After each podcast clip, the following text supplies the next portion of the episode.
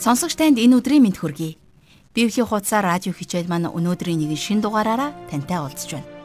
Өнөөдөр бид Египтээс гарсан номын 34-р бүлгээс 35-р бүлгийг хамтдаа судлах гэж байна. Библийг судлана гэдэг нэг удаа эхнээс нь ийхүү тайлбарлаад өнгөрчдөг юм. Дуусаад дахин эхэлвэл дахиад өөр цаг үеийн амьдралынхаа өөр үеийг тулж бид дахин шинийг суралцах болно. Насан туршдаа уншаад байдаг ном гэж ойлгож болно шүү дээ. 1-р Иохан номын 3-р бүлгийн 2-р ишлэлд үүнийг ингэж хэлсэн байдаг. Хайртууд минь бид одоо бурхны хүүхдүүд. Бидний ямар байх нь хараахан үзэгдээгүй. Түүний үзэгдэх үед бид түүнтэй адил болно гэдгийг мэднэ. Учир нь бид түүнийг яг байгаагаар нь харах болно гэж хэлдэг. Энэ бол итгэлээр алхдаг итгэгч хүмүүсийн хүлээлт бас найдвар юм. Тэр бол Мосегийн явах гэж байгаа зам юм. Бурхны оршихуй түүнтэй хамт байх ёстой. А үгүй бол үр дүн нь бүтлгүйтэл байх болно гэдгийг мэдэж байсан гэдгийг өнгөрсөн хичээлээр бид хамтдаа сонссон. Өнөөдөр бид хамтдаа бидэнд хэрэгтэй үгийг сурах хүслээр хичээлээ эхлүүлэхээс өмнө хамтдаа залбирцгаая. Эзэн бурхан минь, танд бид талархлыг өргөе. Та өөрийн ард түмэнд бүхнийг зааварлан заадаг учраас танд баярлалаа. Харин Мосегийн үгэнд орохгүй алдаж байсан бүх хүмүүс шиг таны амьдралд минь зааварчлагаар илгээсэн хүнийг үл ошоохоос та биднийг сэрэмжлүүлж анхааруулж өгөөрэй. Бүх амьдрал минь таны тэр ариун оршихууруу тэмүүлсэн зүрхсэтгэлээр дүүрэн байхад минь та туслаарай. Хичээлийн энэ цагийг тань даатгаж Есүс Христийн нэрээр залбирлаа. Амен. Харин одоо жаргал агшин ярианд анхаарлаа хандуулъя.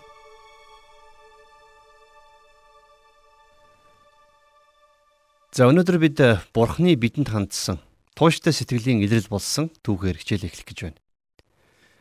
Тэгэхээр миний хувьд бол э, чухал бэлэг авсан хүн тэрнийхээ үн цэнийг ойлгохгүй байвал тэрэнд дахин бэлэг өгөх гэж нэг их зүтгэхгүй байх байсан.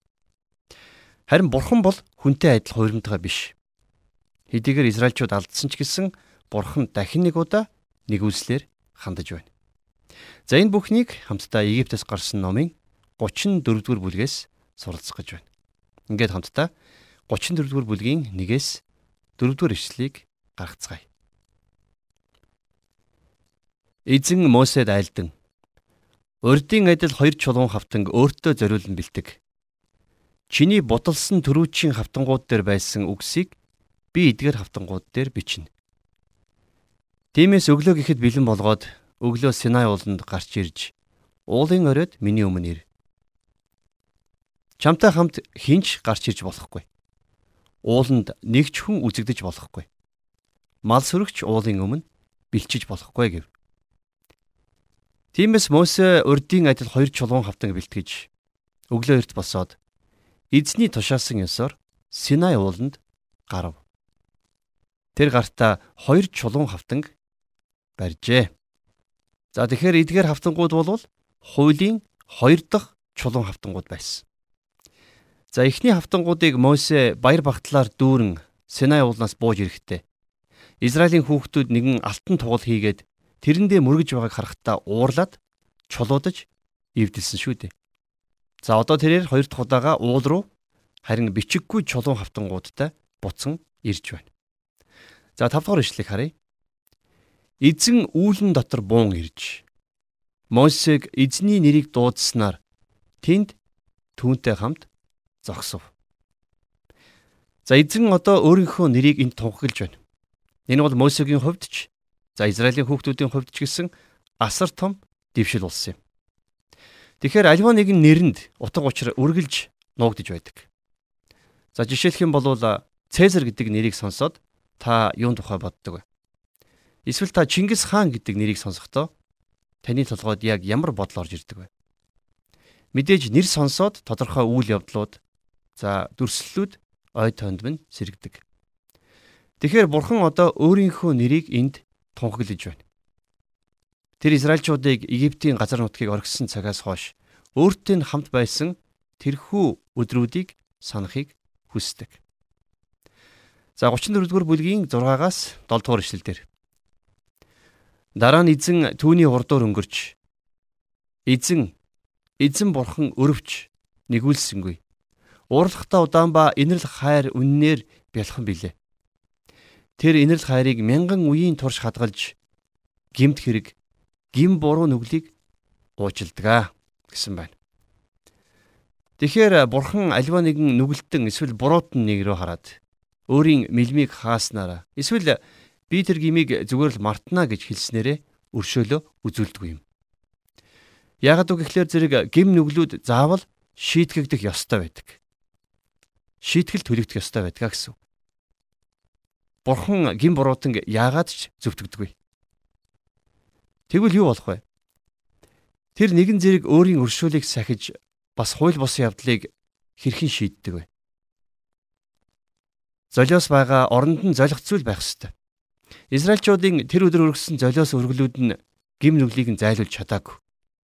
Харин тэдгээр нь загалмай дээрх өөрийн үхлээрээ гмийг зайлуулахаар ирсэн төгс өргөл болох эзэн Есүс Христийг зааж байсан юм. За тиймээс бид тэр үед Бурхны хэлсэн үгийг хамтдаа уншицгаая. За 7 дугаар ишлэлдэр Гисэн ч тэр гимтнийг шийтгэлгүй орхихгүй. Эцгүүдийн гим бурууг 3 дөрөвт үеийг хүртэл үр хүүхэд ач нарт нь буулгадгаа гэж тунхаглав. За өөрийн хүүхдүүд зээ 30 40 гээд дараах дөрвөн үедээ нөлөөлөх гим нүглийг өнөөдөр та хийх боломжтой байдгийн байна гэдгийг эндээс ойлгож аваарай. Хинч тэгж санаатаагаар хуваа бодохгүй байхаа гэж би найдаж байна. Тэгэхээр юу гэсэн үг вэ гэхээр та цэрлэл үзэхгүйгээр Бурхны хуулийг зөрчих боломжгүй. Хинч эннээс сэмхэн мултарч чадахгүй. Яг гэвэл Бурхан үргэлж хിവэрэ байдаг. Түүний хуулиуд өөрчлөгддөггүй. Гэхдээ та өршөөлөө үзүүлдэг Бурханд талархаарай. Хэрвээ бид түүн рүү одоо л эргэх юм бол бид Бурхны өршөөлийг олох болно. За тэгэхээр яг энэ тухай бид Мосегээс цааш нь үргэлжлүүлэн суралцах гэж байна. Хамтдаа 34 дугаар бүлгийнхөө 8-аас 9 дугаар ишлэгийг харцгаая. Мосе газарт доош бүхийн мөргөхөөр яаравчлаа. Тэр эзэн минь хэрвээ одоо би таны мэлмийн тааллыг олсон бол би залбирч байна. Хэдийгээр ард түмэн тийм зөрүүд боловч эзнийг бидний дунд хамт явуулж бидний гин буруу болон нүглийг уучлж өөрийн эзэмшил болгон биднийг авааш гэж хэлв. За энэ нь эдгээр хүмүүсийг зөрүүд гэж хэлсэн дөрөв дэх тохиолдол болж байгаа юм. Тэгэхээр та Израильчуудыг гоц гойд байсан болохоор ч юм уу?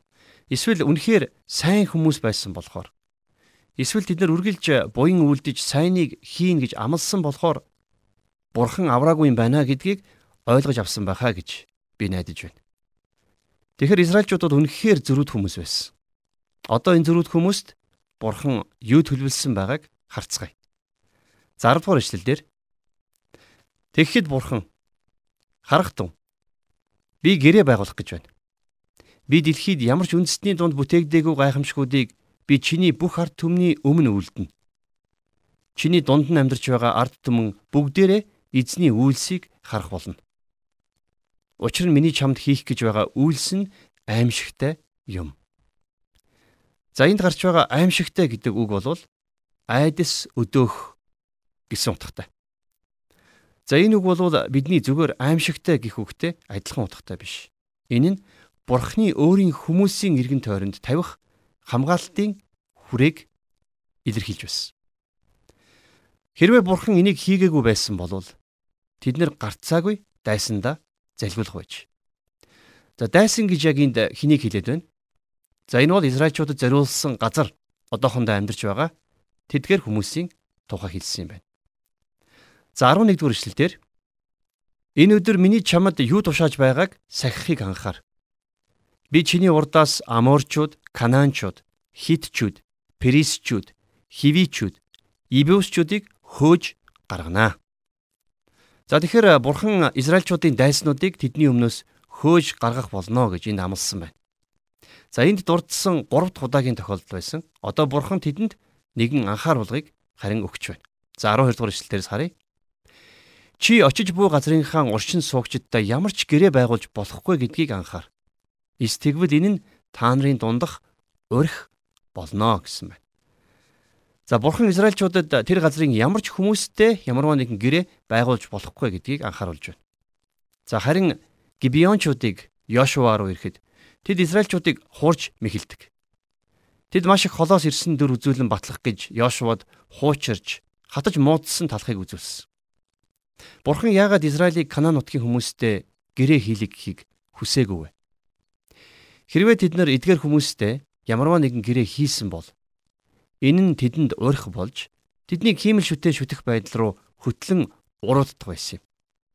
За тэгэд бурхан цааш нь анхааруулахдаа 13-аас 14 дугаар ишлэлдэр Харин чи тэдний тахилын ширээнүүдийг нурааж, тэдний чулуун багнуудыг бяцалж, тэдний ашерийн модон шонгуудыг нь цавч. Чи өөр ямар ч бурханд мөргөж болохгүй. Учир нь хардагч нэртэй эзэн бол хартай бурхан билээ гэсэн байна. За энд гарч байгаа хартай гэдэг үгийг бүгдээрээ бодож үзцгээе. Тэгэхээр амьд бурхан бол хартай бурхан гэж дээр хишлэл хэлсэн. Тэгэхээр энэ ямар учиртай вэ гэхлээр зэрэг бурхан өөрийнхөө алдар нэр хүндийг хуурамч бурхадтай хуваалцахыг хүсээгүй гэсэн үг. Бурхны хартай байдлын төлөө уучлал гуйх шаардлага бидэнд байхгүй. Би нэг удаа нэгэн ихнэр миний нөхөр намайг харддаггүй гэж хэлхийг сонсч байсан. Тэгээд тэр эмэгтэй энэ талаараа нэлээд бахархалтайгаар ярьж байсан. Гэхдээ хэрвээ би түүнд хэрв түүний нөхөр түүнийг харддаггүй бол Тэр өөрийг нь хайрлаагүй гэсэн үг гэж хэлж чадхал байлаа. Хайртай бол хартай гэдэг шүү дээ. Тэгэхээр хайрлсан нэгнээ та ямарваа нэгэн хүнтэй хуваалцахыг хүсэхгүй байна гэсэн үг. А гэхдээ хардталт нь бас бузар муу хандлагатай байж болно. Гэхдээ энэ нь бидний ярьж байгаа зүйл биш. Та хэн нэгнийг хайрлах үед танд тэр хүний төлөө гэсэн анхаарал халамж үргэлж дүүрэн байдаг шүү дээ. За 15-аас 17 дугаар эшлэлдэр Чи тэр газрын оршин суугчдтай гэрээ байгуулж тэд өөрсдийн бурхадтай завхаарч өөрсдийн бурхадад тахил өргөөд тэр тахилаасаа эд химэн хин нэгний чамайг өөрөх бий. Чи тэдний огтоос хөвгүүддээ авч тэдний огт нь бурхадтайгаа завхаарч бас чиний хөвгүүдийг бурхадтайгаа завхааруулах бий. Чи өөртөө ямар ч цутгамл бурхтыг бүү хий. За тэгэхээр хэр буртаг бузар заваанда баригдсан мэт Канааны газар нутаг хиймэл шүтэн шүтэх байдлаар бүрэн дүүрсэн байсан. Газар нутаг нь бохир заваан завхаарлаар дүүрсэн байсан гэж Библиэд хэлсэн байна. Бурхан Израильд онцгойлон өөрийгөө эдгээр завхралд зууралдсан хүмүүстэй гэрээ байгуулахгүйгээр харин ч тэднээс тусдаа байх ёстойг анхааруулж байна. Израильчууд тэднийг нэг бол устгах, а эсвэл тэднийг газар нутгаас хөөж гаргах ёстой байсан юм. Тэгэхээр олон жилийн турш түүхийн шүүмжлэгчид за яг Библийн энэ хэсгийг буруутгаж ирсэн. Тэд нэр энэ хитрхи туйлширсан юм шиг санагдах химжүүрийн учир шалтгааныг огт судалж үзээгүй нь илт байдаг. Бурхан өөрийнхөө хүмүүсийг хиймэл шүтэн шүтэх байдлын аимшигаас хамгаалж байсан нь мэдээж хамгийн тодорхой учир шалтгаан. А гэхдээ өөр нэг учир шалтгаан байсан. Канааны оршин суугчдын дунд арьс өнгөний өвчин тахлын хэмжээнд байсан гэдг нь өнөөдөр малтлаг судалгаагаар мэдэгдсэн байна. Тэгэхээр бурхан өөрийн хүмүүсийг өвчний аюулаас бас давхар хамгаалахыг хичээж байсан байна. Гэтэл Израиль харин харамсалтай нь бурханд дуулуургүй байсан. Тэгээд газар нутгийг эдгэр хүмүүсээс гүйцэд цэвэрлээг. Тиймээс тэд нэр гонигтай үр дагавруудаасаа болж дараа нь зовлон эдэлсэн. Харин эцэст нь бурхан дуулуургүй зөрүүд завхарсан Израилийг Вавилонны цөллөгт явуулсан байдаг. За цааш нь үргэлжлүүлэн уншия 18 дугаар эшлэлдэр Чи эсгээгүй талхны баярыг сахи. Миний чамд тушаасан ёсоор Абиб сарын товлсон үед чи 7 өдрийн турш эсгээгүй талх ид. Учир нь Абиб сард чи Египтээс гарсан. За бурхан найр наадмууд болон амралтын өдрүүдийг дахин тогтоосноор Израилийг газар нутаг руу оруулахаар бэлтгэж байсан байна. Тэгэхээр цаг нь болохоор аянда болно үсттэй гэж боддог хүмүүний хинэггүй байдлаас бурхны төлөвлөгөө бол яг таг байсан байна. 23 дугаар эшлэлдэр Жилд 3 удаа танай бүх ирчүүд Израилийн бурхан эзэн бурхны өмнө үзэгдэх ёстой. За бурхан тэгээ цааш нь Израилийн хүүхдүүд юу хийж, юу хийх ёсгүй талаар маш дэлгэрэнгүй заавар зөвлөгөөнүүдийг өгсөн байна. За 25-аас 26 дугаар ишлэгийг харах юм бол Чи миний тахилын цусыг эсгсэн талхтай хамт бүүрэг. Дээгүр өнгөрөх баярын тахилыгч өглөө болтол бүүлдэ. Чи газрын хаан анхны үр жимсний дээжийг өөрийн бурхан эзний гарт авчир. Чи ишгийг ихийнхэн сүүнд бүү чана. За Израильчууд бурхныг хамгаас дээгүр за өөрсдийнхөө амьдралын нэгдүгээрт тавих хэрэгтэй байсан. Тэгэхээр энд ишгийг чанах гэсэн үг гарч байна. За энэ мэдээж махыг нь буцлах гэсэн утгатай. Тэгэхээр ихийнх нь сүүнд махыг нь буцлах ёсгүй байсан байна. Тэд нэр жирийн биш зүйлсийг хийхээс зайлсхийх ёстой байсан. За тэгэхээр хоошид бид нар энэ талаар хичээлүүдээрээ илүү дэлгэрэнгүй үзэх болно. За одоо харин Библийн гайхамшигтай нэгэн хэсгүүдийн нэгнийг үзэх гэж байна. За 29-оос 35 дугаар ишлүүдийг хамтдаа харцгаая. Мосийг уулаас бууж ирж байхад гэрчлийн хоёр хавтан түүний гарт байв. Түүнтэй ярьснаас болж нүрнийх нь арс гэрэлдсэнийг Мосе Синай уулаас бууж ирж байхдаа мэдсэнгүй. Тиймээс Аарон ба Израилийн бүх хүүгүүд Мосег харан түүний нүрний арс гэрэлдсэнийг үзээд түүнд ойртохоос айв. Мосе тэднийг дуудсанд Аарон болон цуглаан дахь бүх захирагчид түүн рүү ирж Мосе тэдэнтэй ярилцав. Үүний дараа Израилийн бүх хүүгүүд ойртон ирэв. Синай уулан дээр эзний өөрт нь айлдсан болгоныг үлдэхийг Мосе тэдэнд тушаалаа. Мосе тэдэнтэй ярьж дуусаад нүүрэн дээрээ бүтээлэг тавив. Харин Мосе эзэнтэй ярихаар түүний өмнө очих бүрд гарах хүртлээр бүтээлгээ авдаг байсан. Тэр гарч ирээд юу тушаасныг Израилийн хүүгүүдэд дамжуулах болгонд Мосегийн нүрийг буюу түүний нүрний арс гэрэлцсэнийг Израилийн хүүгүүд хардаг байлаа. Тиймээс эзэнтэй ярилцахаар орох хүртлээ Мосе нүрээ дахин бүтээдэг байваа гэсэн байна. За тэгэхээр энэ хэсгийг тайлбарлахад маш энгийн. Бурхантай уулзах нь за мөн бас Бурханы үгийг сонсох нь үнэхээр гайхамшигтай байдгийг Мосегийн энэхүү дээрх жишээ бидэнд илтгэн харуулж байдаг. За одоо харин 35 дугаар бүлгээс амралтын өдрийн тухай яриа руу буцан орж байна. За энэ бол амралтын өдрийн тухай ярилцсан 3 дахь удаагийн ярилцлага болж байгаа. За тэгэхээр энэ талаар маш тодорхой бичсэн байна. Хамтдаа 35 дугаар бүлгийн 1-ээс 3 дугаар ишлэлийг харцгаая. Тэгэд Мосе Израилийн хүүгүүдийн бүх цуглааныг хуралдуулан тэдэнд эзэн та нарт эдгээр зүйлсийг хий гэж тушаасан. 6 өдөр ажиллаа хийгээд харин 7 дахь өдрийг эзэнд бүрэн амрах амралтын өдөр буюу ариун өдөр болго. Энэ өдөр альва ажил хийдэг хэн боловч үхэх ёстой. Амралтын өдөр та нар өөрсдийн ямар ч гэр оронд гал асааж болохгүй гэв. Тэгэхээр бурхан амралтын өдрийг тогтоосон хамгийн ихний шалтгаан бол бүр бүтээлийн ихэнд болсон үйл явдалтай холбоотой гэж үздэг. Юу болсон бэ гэхлээр бурхан амралтын өдөр өөрөө амарсан. Хүн төрлөختөн бурхны бүтээлч мотрыг оргисноор өөрсдөө бурхнаас холдож төөрсөн юм. Бурхныг таньж мэдхээ болоод харин бүтээлд нь мөргөж эхэлсэн. Тэгээ тэр мөчөөс хүн амралтын өдрийг сахихаа болсон байна. Одоо бурхан амралтын өдөр бол түүний болон Израилийн хүүхдүүдийн хооронд маш онцгой тэмдэг байсан гэдгийг дахин сануулan хэлж байна. Бурхан Израилийн хүүхдүүдэд бэлтгэсэн амлагдсан газар очисон хойноо хэрэгжүүлэх дүрмүүдийг нь маш эртнээс тогтоож эхэлж байна. Хэрвээ хэн нэгэн амралтын өдөр ажил хийх юм бол чулуугаар цохиулж өгөх ёстой байсан байна. За бямб гариг болох амралтын өдөр хин нэгнийг ажилуулахгүй байх нь өнөөдрийн бидний нийгэмд бол үнэхээр хүнд хэцүү байх болно. Тэгэхээр амралтын өдөр та гал асаахгүй байна гэж төсөөлдөө. За дүн өвлийн хүүтэнд энэ маш том асуудлыг үүсгэх нь байна.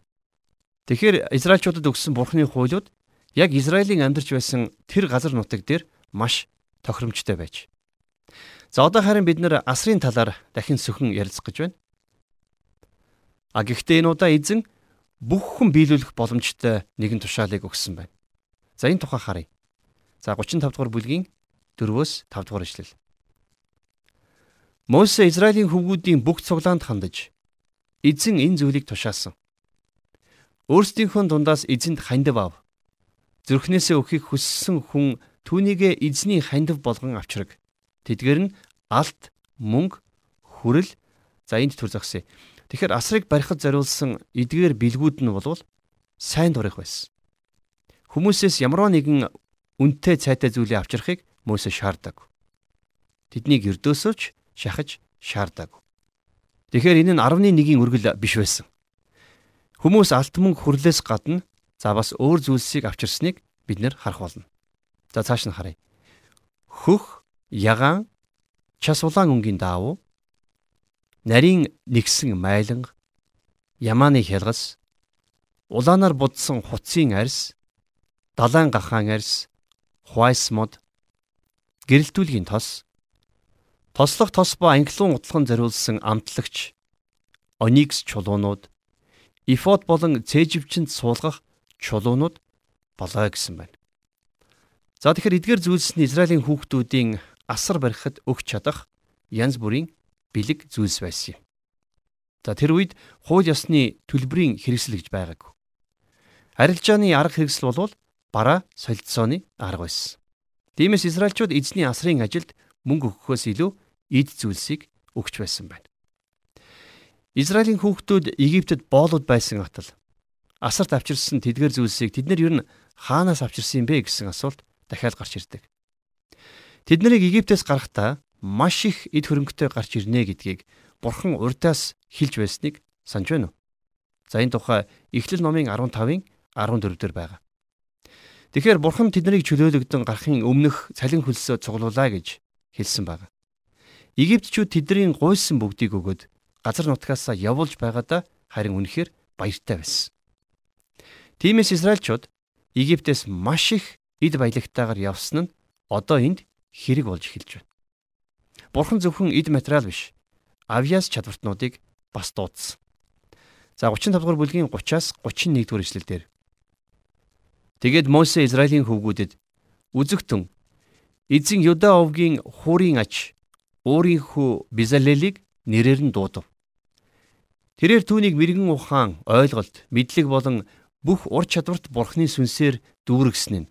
За энд төр зогсъё. Тэгэхээр Безалелийг бурхан асарт үнэхээр чухал тавилгуудыг хийхэд бэлтгэн дуудаж байна. За цааш нь харъя. 34 дугаар эшлэлдэр тэрээр заах чадварыг Дановгийн Ахисамахын хүү Охилиаб тэр хоёрын зүрхэнд өгчээ гэсэн байна.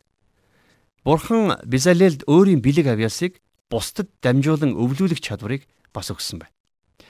За 35 дугаар бүлгийн 35 дугаар ишлэл. Силбэрчин зохион бүтээгчийн хөх, ягаан, час улаан өнгийн давуу болон нарийн нэгсэн майланган дээр хатгах бүхий л ажлыг гүйцэтгэх, загварыг зохиох альва ажлыг хийх ур чадвараар эзэн тэднийг дүүргэв. За тэгэхээр тэрхүү мөргөлийн майхан асар үнэхээр үзэсгэлэнтэй болсон. Энэ бол цөлдөх сувд мэт байлаа.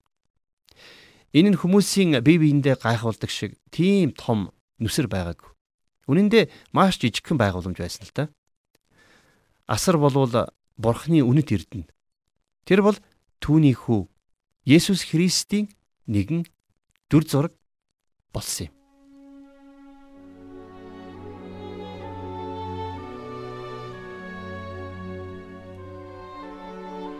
Тэгэхээр хичээл зааж өгсөн жаргал агшд баярлалаа. Мөсө бурхантай уулзаад ирэхдээ Мөсегийн царай гэрэлтэж бас түүний гарт бичиггүй хоёр чулуун хавтан байсан. Үүгээр дамжуулан Израилийн ард түмэн түүнийг бурхантай уулзсан гэдгийг ойлгосон. Тэрээр бид бурханы урмыг хугалсан тул бидэнтэй гэрээ байгуулахгүй гин. Одоо ингээд цүлд орхигдлоо гэсэн таагүй мэдээ авчраагүй. Хэдийгээр чулуу бичээсгүй байсан ч гэсэн энэ гэрээ заавар тушаалтай хамт бурханы нэгүслийг авчирсныг сонсоод тэр хүмүүс ямар их баярлсан болоо. Талархсан сэтгэлээр өргөцгөөж чадах бүх зүйлээрээ үйлчлэх болсондоо Израилийн ард түмэн үнэхээр их баяртай байсан. Би өнөөдрийн хичээлийг төгсгөж залбирахынхаа өмнө Есүсийн хэлсэн нэгэн үгээр таныг урамшуулмаар байна. Есүс хэлэхдээ би энэ үеийн төгсгөл хүртэл та нартай сүнсээрээ цаг ямагт хамт байна. Та гуниг зовлонтой байх үедээ Есүсийн энэл хэлсэн үгийг санаж урамшин босоосэй гэж хүсэж байна. Харин магадгүй нэвтрүүлэгтэй холбоотой санал хүсэлт байвал та бидэнд имэйл хаягаар хандан бидэнтэй холбоо ораарай. Харин хичээлээ өндөрлөөд бурханд хандаж хамтдаа залбирцгаая. Эзэн бурхан минь, таньда баярлалаа. Өнөөдрийн хичээлийн төлөө бид хамтдаа таны үгийг, таны үг тушаалуудыг мөрдөхөд та биднийг урамшуулан зоригжуулж өгөөрэй. Бид танд ам амьдралаа өргөж, таныг алдаршуулах боломжийг бидэнд та зөвшөөрч өгөөрэй. Би танд бүх зүйлээ даатгаж Есүс Христийн нэрээр залбирлаа. Амен.